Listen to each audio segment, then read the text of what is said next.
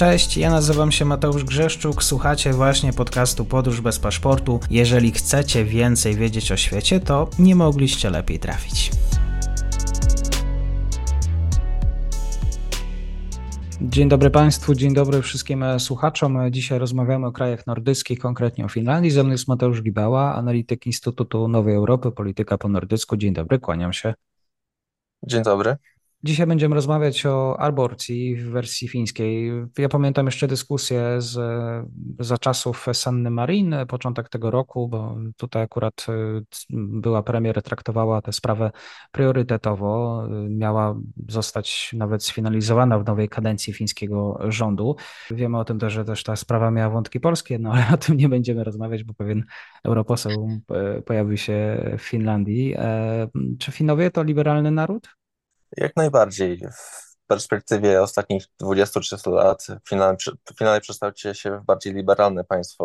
Obecnie również mamy przecież y, rządzącą partię koalicyjną, która jest partią liberalno-konserwatywną. Finowie przekształcili się w przeciągu ostatnich lat nawet pod względem społeczeństwa na kraj bardziej liberalny niż y, kraj oparty na y, założeniach socjalnych. Również możemy spojrzeć pod kątem polityki, jak ona się kształtowała. Ostatnie lata, co prawda, mieliśmy z partiami lewicowymi, ale wskutek e, wojny na Ukrainie z 2014 zauważamy bardziej przejście poparcia na partie prawicowe, e, partie li liberalne, to właśnie pod kątem tej partii konserwatywno, e, partii czy koalicyjnej z premierem Orpo na czele.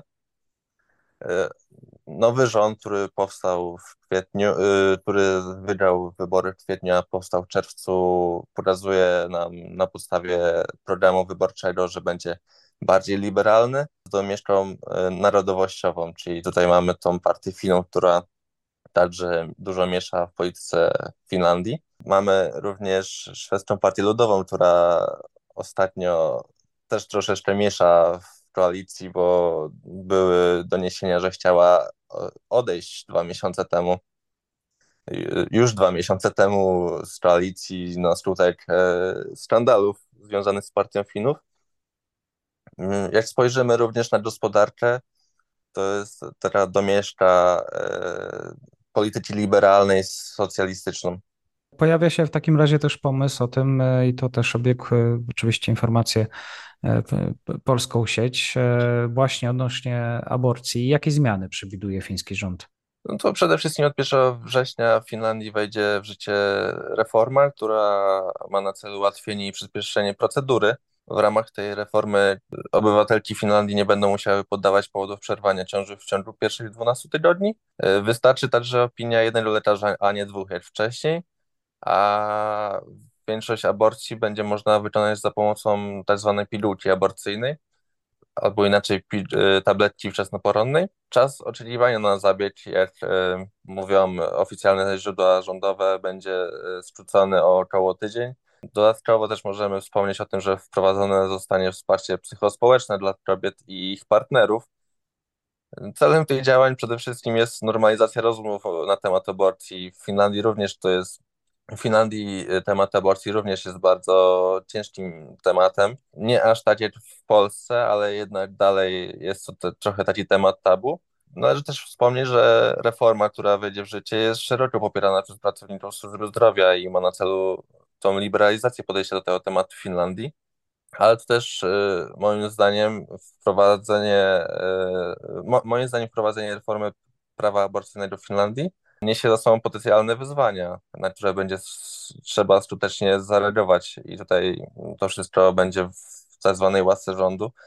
Punktując na przykładzie tego kraju, to możemy się spodziewać przede wszystkim oporu ze strony pewnych części społeczeństwa, tak bardziej prawicowych. E, tutaj mam na myśli chociażby elektorat partii Finów, który nie jest proaborcyjny, że tak nazwijmy to. Istotne będzie dla nowego rządu prowadzenie kampanii edukacyjnych. Tutaj mam trochę wątpliwości, ponieważ y, jeśli partia Finów jest w koalicji, to te kampanie edukacyjne mogą być bardzo powierzchowne i nie będą y, stworzone bardzo dobry sposób, tak aby komunikować wszystko e, społeczeństwu, a wiele rzeczy, wie, wiele spraw może zostać unikniętych. Też jeśli chodzi o wprowadzenie wsparcia psychospołecznego dla kobiet, to będzie to wymagać współpracy organizacji i państwa. Też możemy wspomnieć o zapewnieniu równego dostępu do aborcji w całym kraju. I e, to według mnie będzie kluczowe, tak samo walka z piętnem, e, napiętnowaniem społecznym dla pewnych grup, które jeszcze nadal w pewnym stopniu występuje. To będą takie wyzwania, które, na, na które rząd e, będzie musiał spojrzeć i nie będą to nie, i nie będzie to bardzo łatwa droga przez najbliższe pół roku, rok, jak nie do końca kadencji. Finowie jakoś zareagowali na te zmiany? Przepraszam, może to jest złe słowo, ale czy, czy tego typu legislacja jest im potrzebna? Tak, wiadomo, przez ostatnie e, parę lat było dużo demonstracji, ale również e, marszów poparcia dla takich e, zmian. Większość, większa część populacji jednak jest za tą zmianą. Uważają, że liberalizacja jest jednak potrzebna i rząd nie powinien stopować tej liberalizacji, a bardziej się dostosowywać. Nowy rząd, jaki powstał z, na czele z Peterim Orpo, był trochę takim zmartwieniem dla społeczeństwa, bo w kadencji San Marin te zmiany jednak bardzo szybko postępowały i już pod koniec kadencji nawet myślano, że, że dopnie się do, to do samego końca i to się stało. We wrześniu teraz będziemy mieli wprowadzenie tych przepisów. Obawiano się, że Peter Orpo w koalicji z partią Finów będzie robił wszystko, żeby te przepisy nie zostały wprowadzone, bo wiemy, partia Finów jest e, bardzo sceptycznie nastawiona do tych spraw i nawet jak był tworzony program rządu, to sprawa aborcji była sprawą bardzo kontrowersyjną między partiami koalicyjnymi. Bardzo dziękuję za dzisiejszy komentarz. Mateusz Gibała, kłaniam się, do usłyszenia. Do usłyszenia. I to już koniec na dzisiaj. Zapraszam na profil podcastu Podróż bez paszportu na Facebooku, Instagramie i Twitterze. Zachęcam też do wsparcia mojej pracy na serwisie Patronite oraz Buy Coffee. Do usłyszenia.